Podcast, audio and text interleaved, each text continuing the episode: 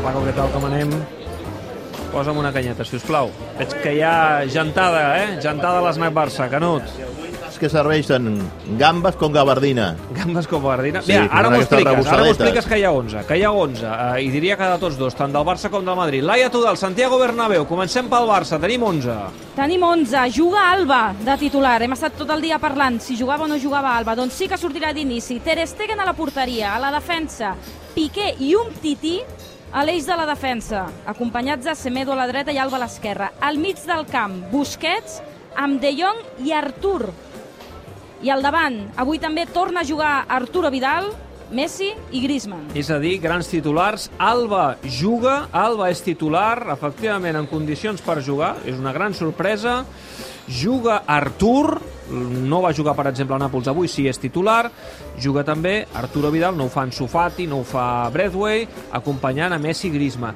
Tenim també 11 del Madrid? També el tenim. A veure. Juga Isco i juga Vinícius. És A dir, veure. no, no juga Bale, per tant. No juga Bale, exacte. Courtois a la porteria, a la defensa Carvajal, Sergio Ramos, Varane i Marcelo, no juga Mendy.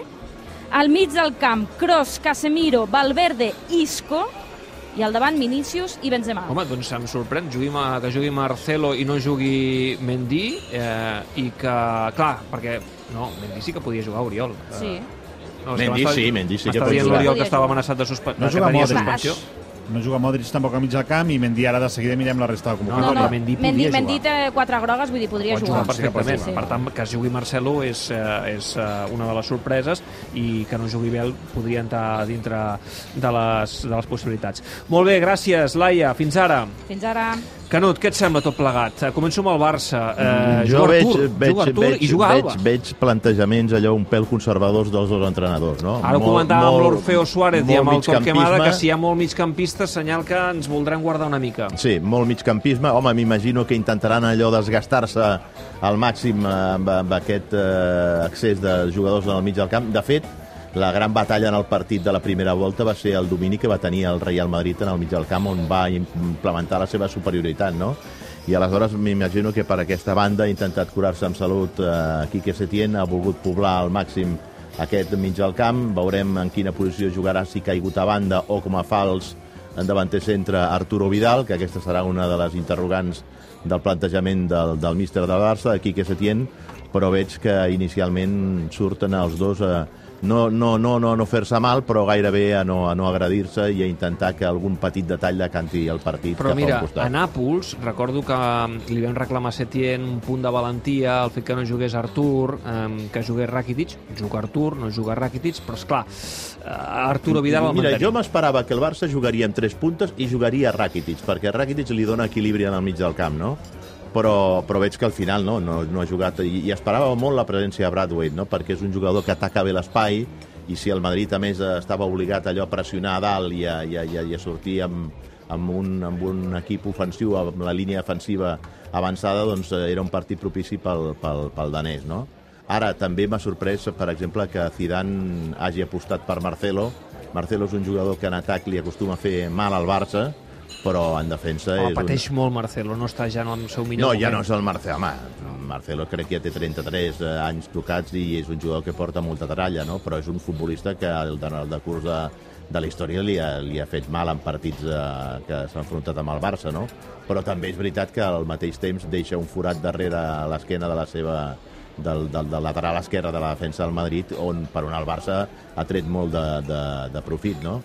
Veurem, per això el meu dubte és on situarà Arturo Vidal, si Arturo Vidal jugarà allò caigut a banda, com va passar l'altre dia a Nàpols, o juga com a fals davant centre, sent aquest jugador que entra des d'una segona línia, aprofitant alguna de les passades que pugui filtrar Leo Messi per, per les arribades del, del Xile. Bé, doncs el Barça amb aquest 11, amb Alba titular, Sí. amb aquest, la veritat és que no ens ho esperàvem perquè ha tingut Bueno, molts no, problemes no físics de esperàvem, el temporada. que no ens esperàvem, David, és que entrés a la convocatòria. Ara, Ja, un però- cop era dins de la convocatòria, crec que Alba no anava de Entenc que han turisme. valorat els riscos, perquè Alba, ja sabeu que Sí, aquesta temporada no, ha no, tingut problemes unes quantes, i unes quantes. unes quantes vegades i... En aquest sentit, no és un jugador molt fiable com per poder-te-la jugar amb ell.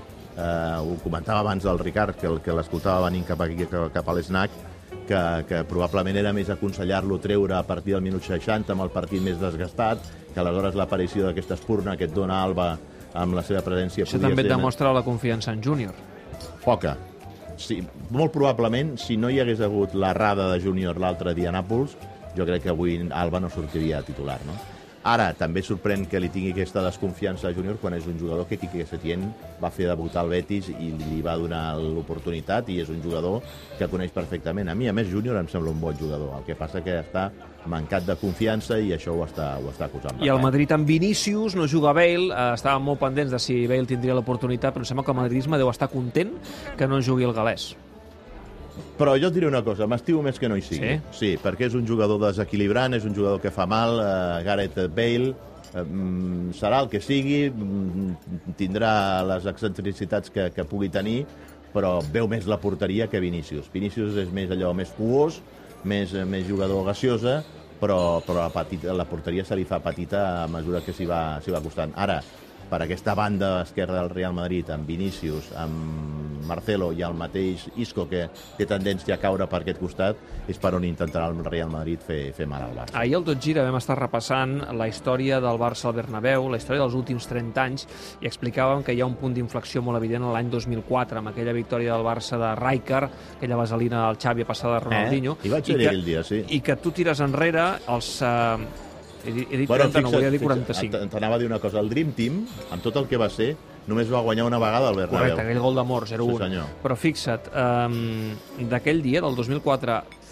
tirant enrere fins al 0-5 famós del 74, Sí. només 6 victòries del. Barça en 30 anys. Del 2004 fins aquí, en aquests 15-16 anys, eh, estem parlant, i parlo de memòria, eh, però diria que són 11 victòries del... No, 13 victòries del Barça. 13 victòries del Barça. Això ha canviat molt, eh? El culer ja no té por d'anar al Bernabéu. Té ganes d'anar al Bernabéu. Jo crec que el culer ha perdut el complexe que tenia abans del Barça de quan anava al Bernabéu. Un complexe que, per exemple, afectava el mateix Johan Cruyff, que sempre feia unes alineacions un pèl allò estrambòtiques quan anava al, al Bernabéu i li entrava un cert mal de panxa, no? Però, però el Barça d'ençà ja no diria aquella data amb aquella victòria d'aquell gol de Xavi de Vaselina, que va ser, el, podríem dir que al final del mite del Madrid de los Galácticos, però sí que a partir del, del que és el Barça Guardiola s'ha perdut totalment la por al Bernabéu. A Clar, és que a- Cruyff, entrenador, només hi guanya un cop. Sí, per això t'ho he dit, que el Dream Un Team, cop, el un Dream cop Team només només. hi va guanyar una vegada. Guardiola 6, Valverde 3, Sí. i Luis Enrique, em Luis sembla que Enrique, són 3 dues. més. Du- Dues o 3, sí, dues, dues, dues, dues. té, dues. té, té, Luis El. Tata En la- Martino en la, una. En la primera va perdre. El Tata Martino va guanyar. El Tata Martino va guanyar. en canvi, el, el Bernabéu. pobre Tito Vilanova no, eh? Però el Tata Martino va guanyar, va guanyar el, el, el, el Santiago Bernabéu, amb la qual cosa el- ve a demostrar que el Barça ha perdut aquest complexe que tenia. Ara, també és cert que s'està demostrant en aquests eh, duels de, dels últims anys que els equips juguen molt més còmodes fora que a casa, eh? perquè el Madrid també, déu nhi els resultats Ha millorat els seus registres en Camp Nou, això és en el- veritat. En el Camp Nou. S'ha endut alguna tova, eh? però, però ha millorat els seus registres al Nou i especialment en Zidane. Aquest Barça, però, també genera optimisme i confiança com l'ha generat els últims anys. És a dir, avui el culer està tranquil, al Bernabéu? No, no perquè, perquè el joc de l'equip no ha estat com per llançar coets. El que passa que les circumstàncies l'han permès arribar líder a aquesta cita i el culer és conscient de que avui té una gran oportunitat per donar un cop d'efecte a la Lliga important. Ara, confiat com en altres temporades anava el culer en els últims anys de que avui es guanyarà, avui el Barça guanyarà, quants li farem al Madrid? No veig no, que es respiri aquesta, aquesta sensació, però sempre el culer sap que té en la recambra la, la carta Messi, i aquesta és una carta molt important. Molt bé, Canut, escolta, me'n vaig cap a dalt, eh, que és a punt de començar la TDT. Eh, tu quedes aquí al Snack Barça, no? A veure el Sí, i tant. Gambes en gabardina. Eh? Que Gambes en gaba- Sí, que són unes gambetes rebossades que són molt típiques de Madrid. I el, El Paco s'està espavilant, eh, a la cuina. El Paco... Ara no sabia que el, que el Bernat era inversor del... del... Sí, sí. l'Snac. Ell, jo tampoc sabia... eh, A veure, jo sabia que era soci fundador, però que no Sí, sabia que havia sí. posat calés de la seva butxaca per, per fer créixer l'Snac Barça. Doncs escolta'm, li està rendibilitzant això, Sí, eh? però potser to tocaria fer una mica de reforma, eh, Paco? Sí. Eh, aquí... No, però a mi una, m'agrada una de molt, pintura. m'agraden molt aquestes fotografies que hi ha aquí penjades i tal, de- de- de- d'equips antics del Barça. A mi això m'agrada. I li dona, li dona un punt eh, de nostàlgia i de romanticisme en aquest bar. I d'snack, I d'snac, perquè això correcte. d'snack ja no es porta gaire. Eh? això d'snack és dels anys 60, 70. Sí, més aviat, eh? quan el Barça precisament no guanyava el Ah, exacte, exacte. Molt bé, Canut, escolta, me'n vaig cap a dalt, una abraçada. Vinga, que vagi molt bé. Adéu, vagi bé. Adéu, adéu, adéu, Paco. Vinga, adéu, bona setmana.